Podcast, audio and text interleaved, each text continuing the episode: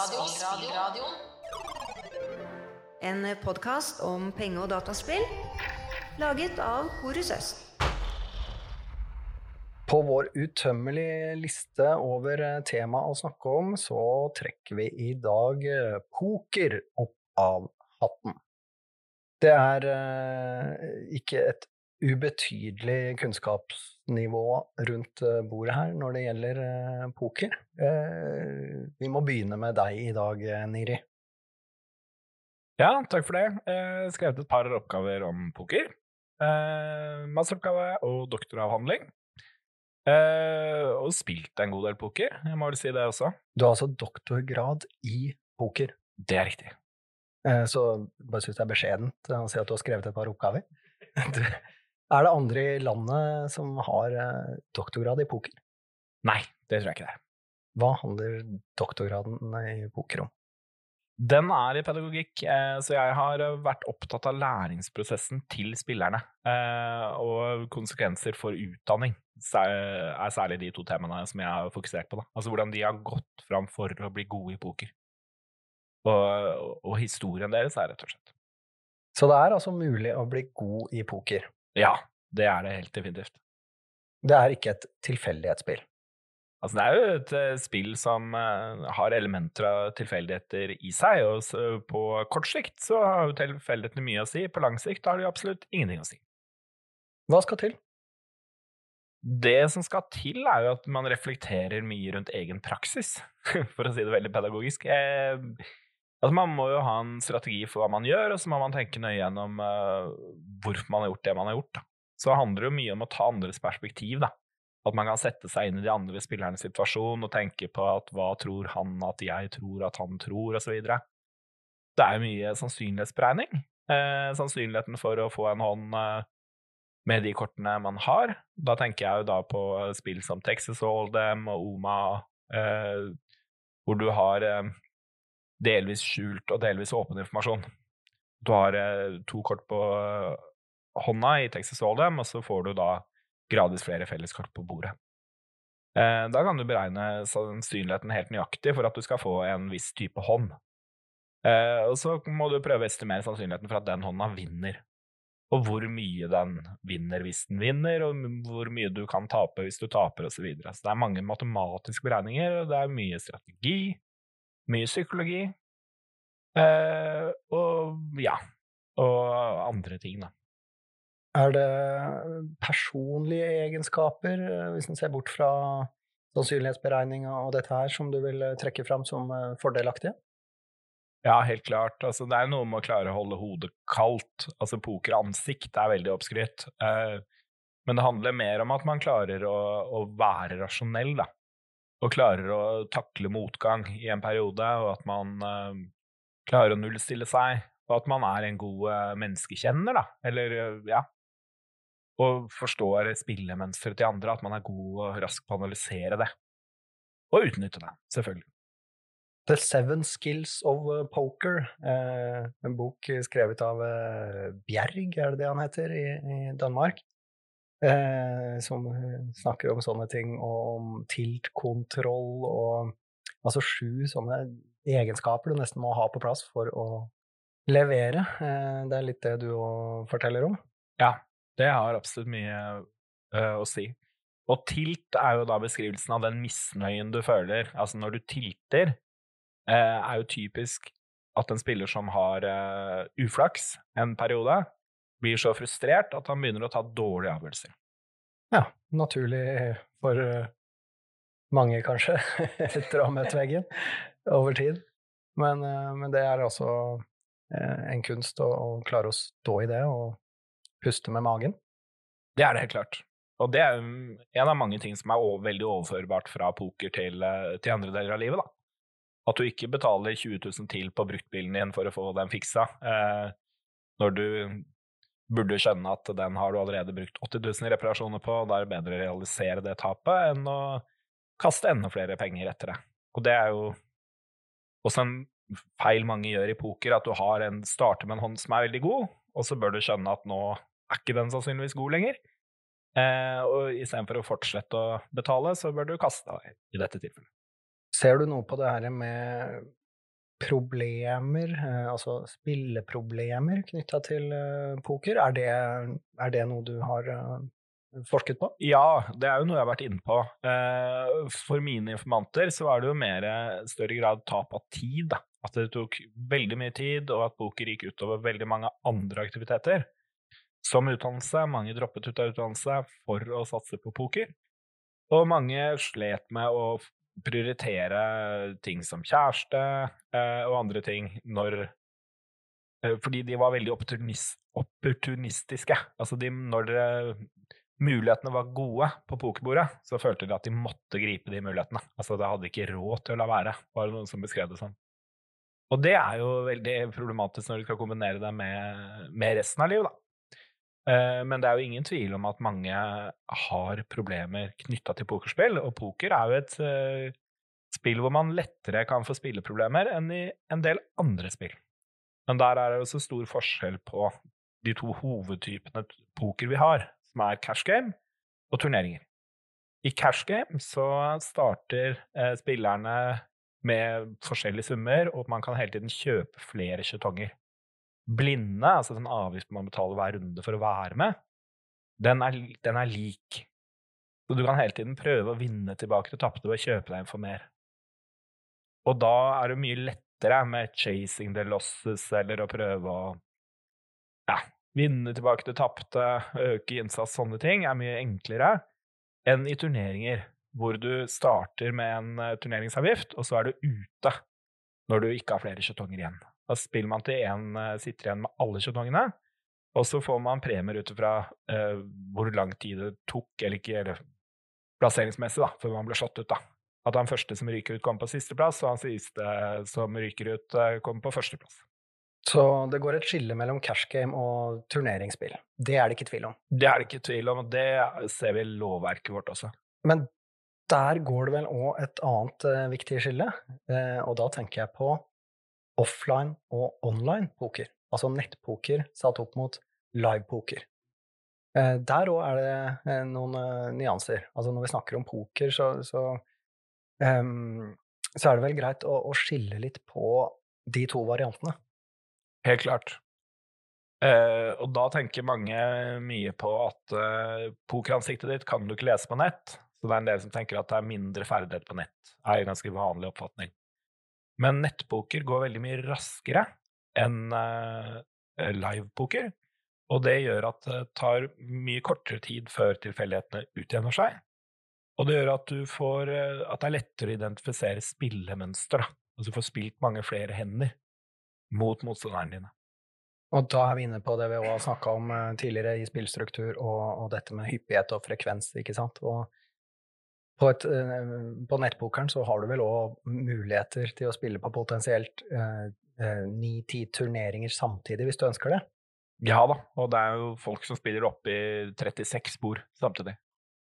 Så det, ja.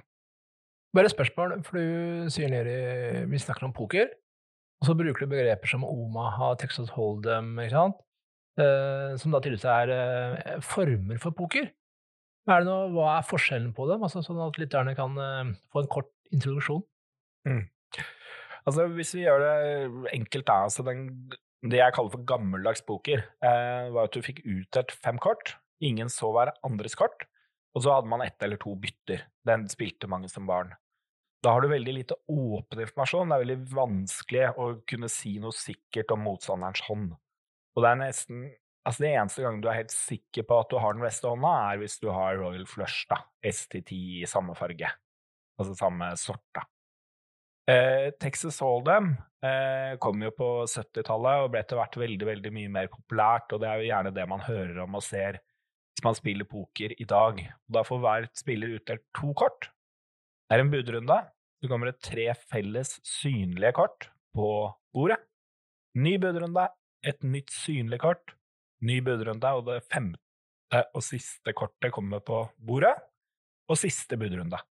Det blir mye mer historiefortelling, da. Da kombinerer du dine egne to personlige kort med de fem kortene som er på bordet, for å lage den beste femkortkombinasjonen. Hvis den beste femkortkombinasjonen ligger på bordet, så deler alle spillerne den, som ikke har kasta seg. Eh, og da kan du estimere sannsynlighet for hvordan din hånd skal utvikle seg etter hvert. Har du to hjerter på hånda, og det er to hjerter på bordet, så har du omtrent en tredjedel sjanse for at det kommer en hjerter på en av de to siste kortene, og at du får en flush, da. Og du kan, eh, du kan eh, beregne helt presist hva motstanderen kan ha. Det er mye oftere at du har nuts, som det kalles, altså den beste hånda som det er mulig å ha i det gitte tidspunktet. Og det gjør at det er et helt annet spill, da. Altså det er jo veldig mye mer ferdighet enn i såkalt gammeldags poker. Oma er en litt lignende variant. Da har du fire kort på hånda, ikke to. Eh, og du må bruke to av de du har på hånda. Ja, Niri, jeg var jo til stede på uh, selveste disputasen din. Jeg husker du hadde en gjennomgang og en litt sånn oppgjør med tidligere forskning på poker, og at du delte det inn i noen sånne ulike kategorier ut ifra hva slags fokus de hadde, eller har hatt. Kan du si litt om sånn ulike tilnærminger til poker fra forskningssiden, og så måte, hva var ditt prosjekt? Hva var det du ønsket å gjøre? Altså, Den eh, eldste tradisjonen er jo mer en sånn moralsk fordømmende og stigmatiserende tradisjon. Som har veldig sånn, eh, stor vekt på det moralsk tvilsomme ved pokerspillerne. Eh, og så er den neste fasen, eh, som er stadig pågående, den som er veldig problemfokusert. Da er man egentlig kun opptatt av de par prosentene, eller hvor mange det er, som har spilleproblemer, og se på alle andre som relativt uinteressante. Så det er mer å finne de, eh, identifisere de, eh, og helst da med samme metoder som for alle andre pengespill. Og så eh, snakker man om eh, behandling og hvor, hvordan det korrelerer eller samvarierer med andre ting. da. Eh, så er jeg innenfor den jeg kaller den mer pokerspesifikke eh, forskningstradisjonen, som er opptatt av det unike ved pokerspillet og som ser poker som spill som veldig annerledes andre pengespill. Altså det er det eneste pengespillet, kan man nesten si, hvor det er en del spillere som tjener penger på sikt, over tid. Ikke fordi de har flaks, men på grunn av ferdighetene sine. Det er en liten gruppe, men, men, det er eh, noe helt annet enn andre pengespill, og det handler om at man spiller mot andre spillere ikke mot huset eller kasino eller banken. Huset, banken, kasino tar en liten andel av hver pott og tjener sånn sett penger, eh, men de tar ikke direkte fra spilleren på samme måte, og det gjør at både vinnende og tapende spillere er like velkomne, og kasino tjener ikke så mye penger på poker som de gjør på andre spill. Så i Las Vegas så sier man noen ganger at de pokerspillerne som spiller turneringer, man tjener mer på at de spiller på spilleautomatene i pausen, enn på selve den uh, pokerspillinga deres, da. Og det gjør at de er ikke like kyniske, uh, de pokerstedene, på å få tilbake tapende spillere. Det er ikke så mye at du ringer og oppsøker dem og tilbyr dem uh, gratis reiser og champagne og alle de tingene som man gjerne har sett på oddsbetting mye. For der beholder kasino hele, hele tapet når en spiller taper. Mens i poker får man en liten andel, så du har ikke så mye å vinne på det. Selv om det fortsatt er en kynisk bransje, altså skal ikke underslå det på noen måte. Mm. Kan du si litt mer hvordan de helt sånn konkret gikk fram for å bli bedre i poker? Altså, ja, hvordan gjør man det? Eh, det, det, handler om å både lese en del litteratur, det handler veldig mye om å se på poker. Altså spiller man nettpoker, så har kan man kjøpe elektroniske verktøy som registrerer alle hender du spiller, som gjør at du kan gjøre statistiske analyser av hvordan har jeg spilt når jeg har fått utdelt S og knekt, f.eks. Eh, hva taper jeg penger på, hva tjener jeg penger på? Eh, kategorisere andre spillere, hvor ofte kaster de seg før floppen, altså før de første felleskortene kommer på bordet. Hvordan skal jeg legge en god strategi mot den spillestilen? Eh, og det handler om å hele tiden reflektere rundt eget spill, prøve å utvikle deg, prøve å lage motstrategi når andre prøver å utvikle, eh, utnytte feil du gjør. Og um, ja, refleksjonsnivå er veldig mye av det det handler om. Mm. Å tjene penger på poker, altså det Ja, det er det noen uh, som gjør. Altså noen få, sier du, uh, ut fra sikkert av hvor mange som spiller, vil jeg tro. Men vet du hvor mange som i verden livnærer seg av å spille poker? Nei, det er fryktelig vanskelig å si, det, for det er så mange måter du kan se på det på. Altså hvor mye du tjener, og om du tjener på såkalt rakeback, eller om du tjener bare på direkte spill. Rakeback, eh, altså rake er en andel som kasino tar av hver pott.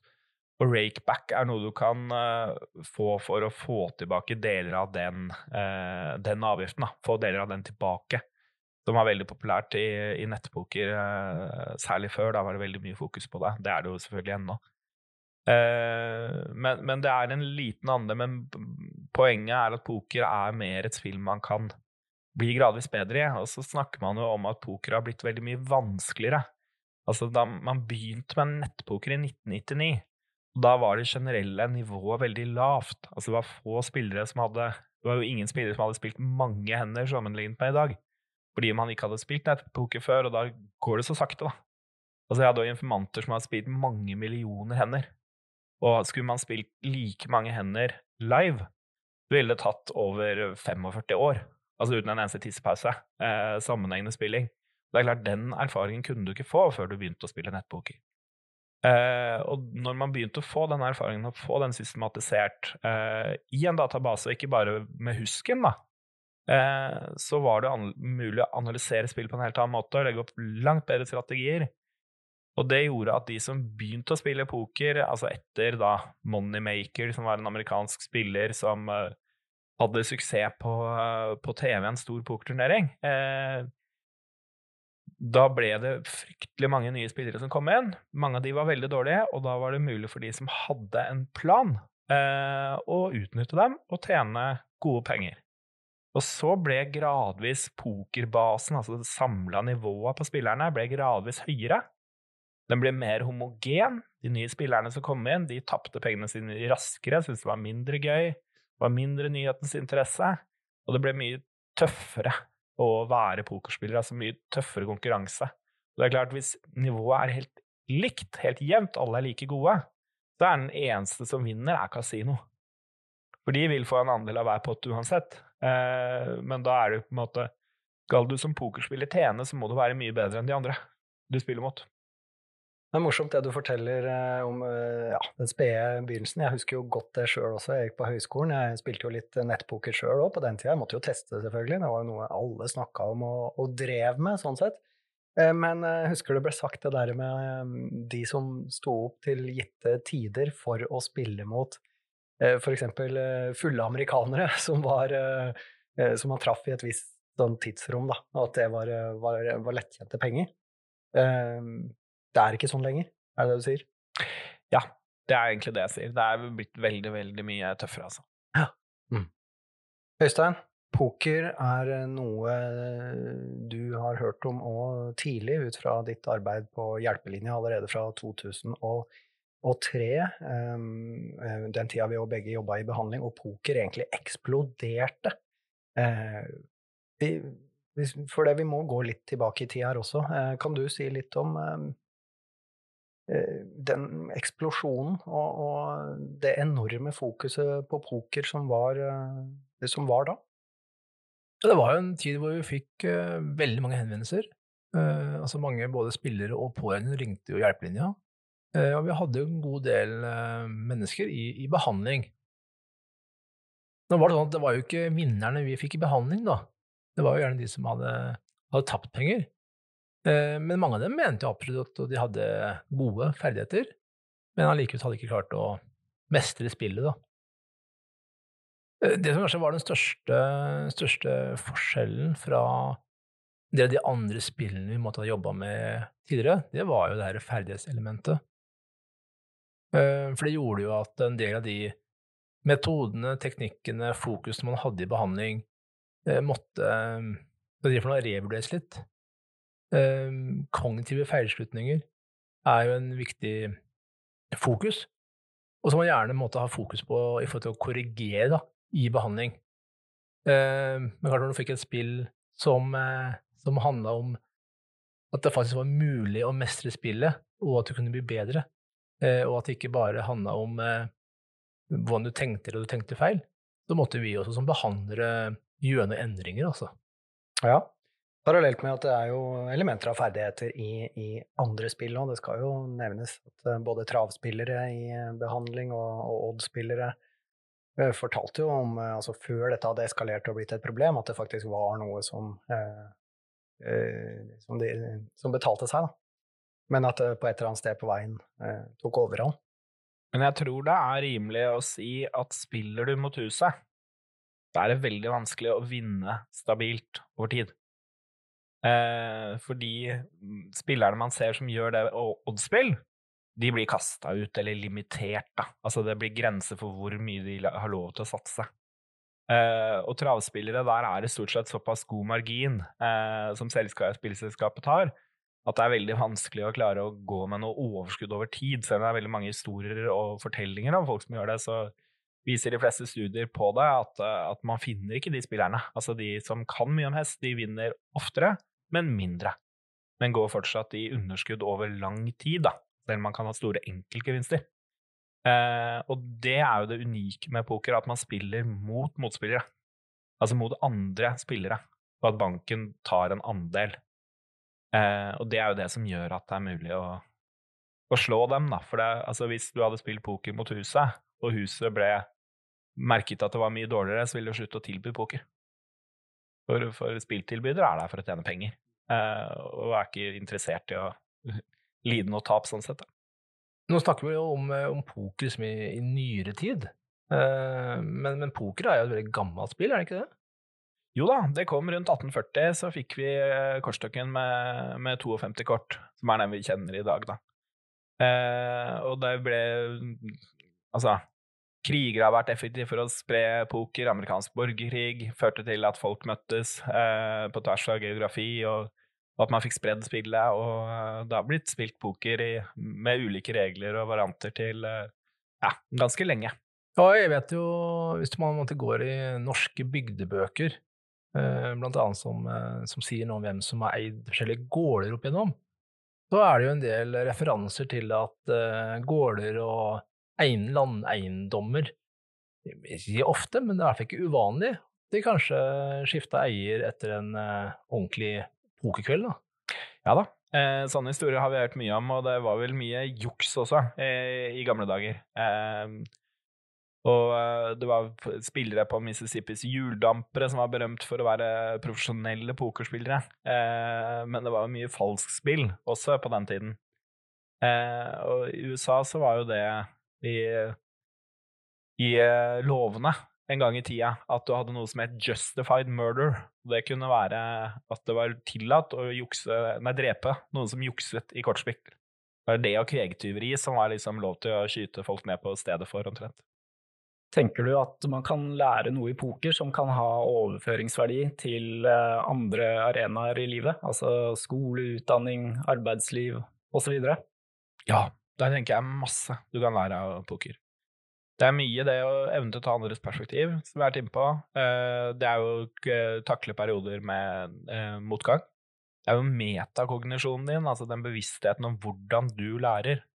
Og den der evnen til å se deg selv utenfra og reflektere over hva du gjør, feil og riktig, som er veldig, veldig sentral. Da. Eh, Og kildekritikk er jo fryktelig viktig i poker, og blir jo stadig viktigere i, i dagens samfunn nå, da.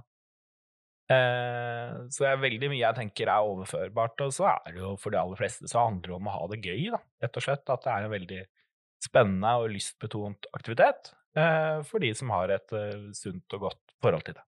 Ikke minst sosialt, da, når du spiller, tenker livepoker. Og det er jo verdt å nevne, Øystein, du var jo inne på dette med behandling i stad. Det eh, er jo noe som gjør kanskje den pokerbiten òg litt eh, utfordrende Eller det gir en ekstra dimensjon til eh, å ha et pokerproblem, eh, er nettopp den sosiale biten. Fordi det har vært din viktigste sosiale arena også, kanskje de siste årene. Det er der du har vært sammen med med, med vennene dine, eller Det er der du har hatt møteplassen din. Og, og da, ok, plutselig skal man kutte ut den også, fordi man må, må slutte å spille poker. Så det blir sånn flere utfordringer der, da. Og skal jeg bare komme med ett pokertips i dag, så er det spill aldri på krita. Det tror jeg er veldig, veldig lurt. Aldri bruke kreditt. Eh, Og det er jo Jeg hadde informanter som fortalte om det, at de i eh, vennegjengen spilte veldig mye poker. Så var det noen som utviklet spilleproblemer, og de hadde hatt alt på kreditt. Altså hadde hatt eh, ført opp eh, nøyaktig hvor mye de hadde skyldt hverandre. Men det var ganske vanskelig å bestemme seg for skulle man kreve inn hele det beløpet, eller skulle man bare kreve inn halvparten, eller skulle man sløyfe det helt? Det var jo, Alle visste at det var ekte penger man spilte om, men det føles litt ubehagelig eh, når noen har utviklet problemer. Og den, eh, den, biten der er veldig vanskelig, da. og det sosiale som du sier er veldig vanskelig. Og det har jeg også diskutert med, med noen av informantene mine. Eh, og i nettbokerens spede barndom så var det vel eh, spillere som fikk igjen noe av det de hadde tapt fra bankene fordi de hadde spilt med kredittkort. Og vi har jo en veldig fornuftig gammel norsk lov som sier at du har ikke lov til å inndrive spillegjeld. Og det er jo på grunn av de historiene om de gårdene som gikk tapt, og den greia, uh, greia der. Da. Og det er jo veldig Ja. Nå er vi litt inne på det juridiske, og der har jeg lyst til å stille deg noen spørsmål, men først eh, må jeg uh, For det er noen gråsoner, helt klart, og det har skjedd mye òg, som med lovverket de seneste åra. Men um, den herre voldsomme glorifiseringen av uh, poker, som vi så tendenser til 2005, 2006, 2007, rundt der, med pokerheltene våre, ikke sant. Uh, Forsida av VG hvor det står en, en, Jeg husker ikke navn, men altså en ja, skal vi si, vellykka pokerspiller, ikke sant. Uh, har vunnet store beløp og eh, kanskje to-tre Playboy-bunnies i, i, hver arm, og, og, dette er eh, Ja, sånn blir du god i, i poker, og liksom det, altså, det, var veldig mye. Det var veldig, veldig mye sånn eh, eh, Ja. Glorifisering av, av, det pokerlivet. Vi ser ikke så mye av det lenger. Hvor har det blitt av de sakene der?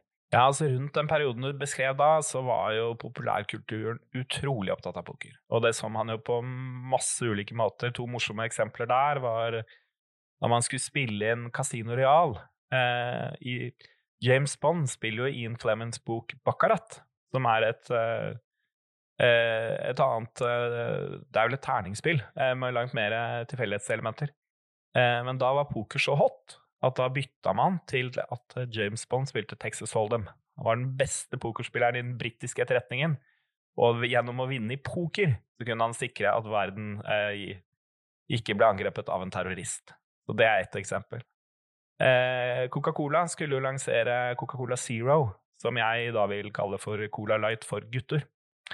Eh, man så at Pepsi Max hadde mange kunder, eh, mannlige kunder, eller gutter, som, eh, som drakk det. Eh, men Cola Light eh, hadde litt sånn eh, jentestempel på seg. man lanserte Cola Zero, og da brukte man poker aktivt i markedsføringen. Man hadde reklamekampanjer som spilte på jenter, som spilte på sex, som spilte på festing og poker. Det var det man brukte for å gjøre det mest mulig macho. Men økonomi, gjeld, tap osv. det er jo ofte sentralt når man snakker om uh, pengespillavhengighet. Men går det an å være pengespillavhengig av poker samtidig som det går i pluss? Ja, det tenker jeg. Altså, man kan ha et stort spilleproblem fordi man bruker så mye tid på det. Eh, og det fant jeg jo eh, blant eh, noen av mine informanter. Altså, de hadde ikke tapt penger på poker, men de hadde brukt fryktelig mye tid. De hadde fått avbrutt utdannelse pga. poker, eh, og de hadde problemer med, med, tidsbruken til det. Også med når de spilte. Eh, og da kan det også bli et problem, helt klart.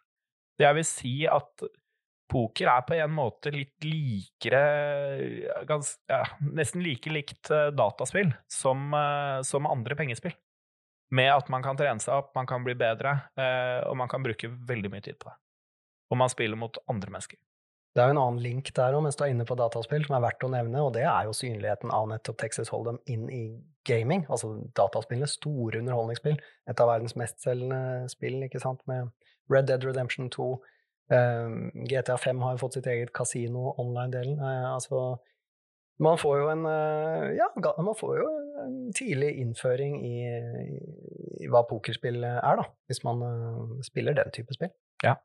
Og det er jo den dramatikken i poker som populærkulturen elsker, da. Eh, både andre spill og, og, og alt mulig. Og, og, poker har jo etter hvert blitt en uh, underholdende TV-idrett. Uh, ved at man formidler veldig mye dramatikk, da. Men eh, ser man på de store mesterskapene i poker, så er det jo virkelig utholdenhetsidrett. Altså da spiller man eh, i såkalt VM i poker. Eh, så spiller man jo seks-syv dager i over ti timer i strekk hver dag. Så det handler ikke om den enkelthånda du har, den ene hånda som du ser på TV-en. Det handler i mye større grad om hvordan du har spilt alle de hendene fram til dit. Uh, vi har snakket litt om, uh, det var å møte pokerspillere i behandling. Uh, en sånn historie som ganske mange fortalte, det var at de, de så liksom på pengene de tapte, som en investering. Altså det var Man måtte bruke en del penger da, for å bli god. Og er, det, er det liksom en vanlig greie, og, og er, er det sånn det fungerer? Ja, Det er jo veldig få som blir så gode at de, at de ender opp med å tjene på det. Eh, det er det jo, definitivt. Eh, men jeg tror nok de som virkelig blir så gode, de kan jo fort fortelle den type historien. da, At man tapte i starten, at det tok tid å bli god, og at man eh, måtte investere noe for å få noe ut. Men det er jo veldig skummelt å ha den, eh, den holdningen når man begynner å spille. da. For de aller fleste tjener jo aldri penger på poker. Det må man jo absolutt ha med seg. Poker og, og, i hvilken grad poker bør være lovlig eller ikke i Norge, har vært en sånn, litt sånn eh, brennhett tema over ganske mange år. Spesielt eh, for noen år siden. Men hva, hva er situasjonen i Norge i dag?